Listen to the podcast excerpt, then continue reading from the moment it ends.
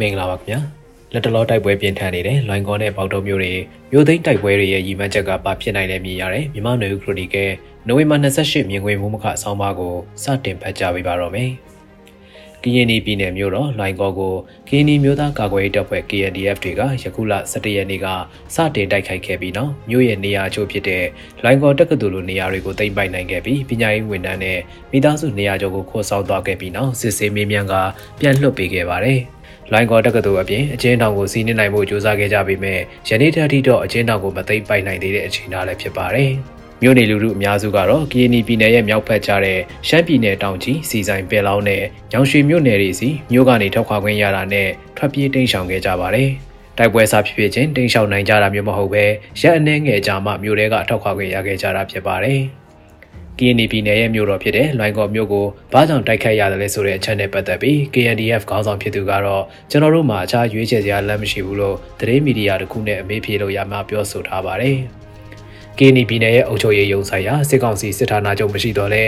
ဒေတာကိုကဲရေးစစ်ဌာနချုပ်ရှိရာမြို့ဖြစ်တဲ့အကြောင်းရင်းတွေကြောင့် KNDF ကလိုင်ကော်ကိုတိုက်ခိုက်ဖို့အဆိုဖြတ်ခဲ့တာဖြစ်ပါလိမ့်မယ်။ နောက်တစ်ချက်ကတော့ရှမ်းမြောက်နဲ့စကိုင်းတိုင်းထပ်ပိုင်းကောလင်းထိကြိုက်လိုမျိုးတွေမှာတိုက်ပွဲတွေဖြစ်ပွားနေခြင်းတို့ကလည်းစစ်ကောင်စီရဲ့တပ်တွေတနေရာမှတနေရာကိုအင်အားများများဆဆထုတ်နှုတ်ပို့ဖို့အခွင့်မသာတဲ့အနေအထားကိုအခွင့်ကောင်းယူပြီးတိုက်ခိုက်လိုက်တာလည်းဖြစ်ပါလိမ့်မယ်။တစ်လေးလုံးလို့ခေါ်ဆိုတဲ့နိုဝင်ဘာလ17ရက်နေ့ကတိုက်ခိုက်ခဲ့ရမှာယနေ့ထိဆို18ရက်တာကြာမြင့်လာပြီဖြစ်ပါတယ်။လိုင်းကော်တက္ကသိုလ်တိုက်ပွဲမှာစစ်ကောင်စီဘက်ကလက်နက်ကင်ဒါဇင်နဲ့ချီတဲ့အရေးအတွက်လက်နက်ချခဲ့ရတဲ့ဖြစ်ရပ်ကလည်းစစ်ကောင်စီစံကြေးအင်အားစုတွေကိုစိတ်တက်တက်ကြွစရာဖြစ်ပါတယ်။ လူဦးရေ6000ခန့်ရှိတဲ့မြို့အနေနဲ့တော့နေအိမ်တွေပျက်စီးတာပိုင်ဆိုင်မှုတွေဖောက်ထွင်းဖျက်ဆီးခံရတာအဆိုးဆုံးခြေတွေမှာမြို့မီးလောင်ပျက်စီးတဲ့အခြေအနေမျိုးတွေလည်းကြုံရနိုင်ခြေရှိနေတာဖြစ်ပါတယ်။ထန်တလန်မြို့လိုတစ်မြို့လုံးနီးပါးမီးလောင်ပျက်စီးနိုင်တဲ့အနေအထားမျိုးရောက်ရှိမှာကိုလည်းစိုးရိမ်စရာအခြေအနေမျိုးဖြစ်နေပါတယ်။အလားတူမြို့ပေါ်မှာတိုက်ပွဲတွေဖြစ်ပွားနေပြီးမြို့နေရာအချို့မိလောင်နေတဲ့အခြားမြို့တစ်မျိုးကတော့ရခိုင်ပြည်နယ်စစ်တွေမြို့အရှေ့မြောက်ဘက်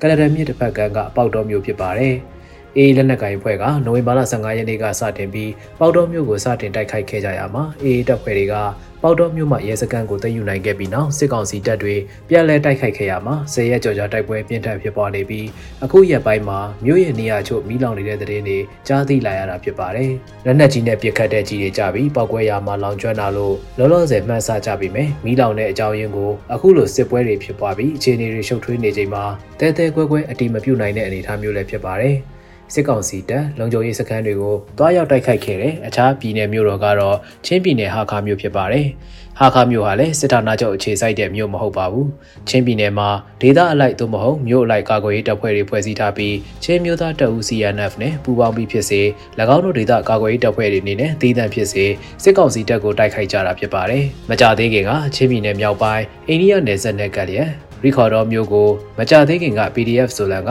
တိုက်ခိုက်သိမ်းယူခဲ့ပါတယ်။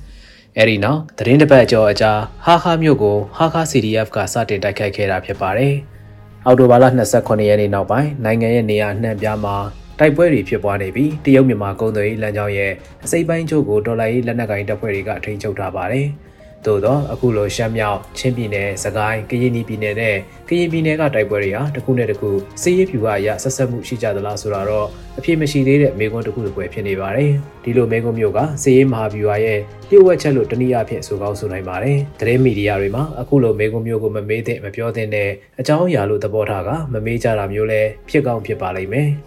သို့ပေမဲ့သတင်းမီဒီယာတွေမှာ မေးမြန်းဖော်ပြခြင်းမဖော်ပြခြင်းတဲ့ဖြစ်ရရဲ့နောက်ွယ်မှာအထက်ကမဟာဗျူဟာရှိခြင်းမရှိခြင်းကပိုးရေးကြည့်တယ်လို့မြင်ပါတယ်။ အကယ်၍ရှိမနေခဲ့ဘူးဆိုရင်အခုစစ်ရေးလှုပ်ရှားမှုအခွင့်အလမ်းကနောက်တစ်ချိန်ပြန်ရဖို့စစ်ပေးရှောင်နေကြတဲ့လူလူတွေရဲ့အသက်တွေနေအိမ်တွေအသက်မွေးဝမ်းကြောင်းလုပ်ငန်းတွေပညာရေးကျန်းမာရေးစစ်ပေးရှောင်ရေးလက်နက်ကြောင့်မဟုတ်တော့တဘာဝရာသီဥတုတန်းစေဝါကုသမှုမရရှိမှုကြောင့်အသက်ဆုံးရှုံးကြရတဲ့တက်ကြီးရွယ်အိုနဲ့ကလေးငယ်တွေရဲ့အသက်တွေကတန်ဖိုးကြီးပါပြီးပူးပေါင်းဆောင်ရွက်မှုမဟာဗျူဟာနီးဗျူဟာရှိမနေတဲ့တပွဲချင်းရဲ့သဘာဝအလျောက်ဖြစ်ပေါ်လာတဲ့စစ်ပွဲကိုဆင်နွှဲသလိုဖြစ်နေမဲ့သဘောလည်းဖြစ်ပါတယ်အခြားကမ္ဘာနိုင်ငံတွေကပြည်တွင်းစစ်လိုမျိုးထက်မြန်မာနိုင်ငံလွတ်လပ်ရေးရဗီဇာကဖြစ်ပွားတဲ့ပြည်တွင်းစစ်ကိုနမူနာယူမဲ့ဆိုယူစရာသင်ခန်းစာတွေအများကြီးရှိနေတာဖြစ်ပါတယ်။အဲဒီခေတ်ကနေလက်နက်ကိုင်ဖွဲ့တွေရဲ့နိုင်ငံရေးဥတီချက်တွေနဲ့သူတို့ပေါ်ပေါက်လာခဲ့တဲ့သဘောတဘာဝမတူဘူးလို့ဆိုနိုင်ပေမဲ့လည်းယနေ့လက်ရှိခေတ်လက်နက်ကိုင်ဖွဲ့တွေအားလုံးကလည်း2021ခုနှစ်ဆီယနာသိမ်းပြီးနောက်မှပေါ်ပေါက်လာကြတာမဟုတ်ပဲအချို့က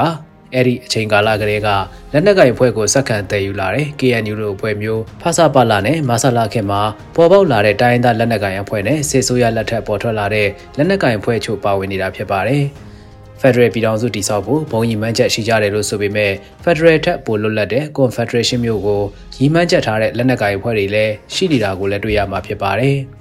နိုင်ငံရေးရည်မှန်းချက်အမျိုးမျိုးမတူတဲ့စစ်ရေးနီနာစစ်ကောင်စီစန့်ကျင်တဲ့လက်နက်ကိုင်ဖွဲ့တွေကြားမိမိတို့လူမျိုးအခြေစိုက်နေထိုင်ကြတဲ့နယ်မြေနဲ့လက်နက်ကိုင်စုမှုခဲ့တဲ့နယ်မြေစသဖြင့်စာနဲ့ပေနဲ့ရေးမထားတဲ့စာချုပ်မချုပ်ဆိုထားတဲ့နယ်မြေသတ်မှတ်ချက်တွေကိုချဲ့ထွင်လာတာမျိုးမှာစစ်ကောင်စီစန့်ကျင်ရေးလက်နက်ကိုင်အဖွဲ့တွေအချင်းချင်းကြားမှာပဋိပက္ခတွေပေါ်ထွက်လာတာမျိုးကိုလည်းကြိုတင်ကာကွယ်ထားနိုင်မှုလိုပါတယ် ဒီအကြောင်းအရာတွေကနိုင်ငံရေးအရာစစ်ရေးအရာဥပေါင်းဆောင်ရွက်မှုညှိနှိုင်းဆောင်ရွက်မှုသဘောတူညီမှုနဲ့စစ်ရေးမဟာဗျူဟာတစ်ခုတည်းအောက်မှာလှုပ်ရှားမှုအတွက်မရှိမနေဖြစ်တဲ့အချက်တွေဖြစ်နေတာကိုလည်းသတိပြုကြဖို့လိုအပ်လာပါတယ်ခင်ဗျာ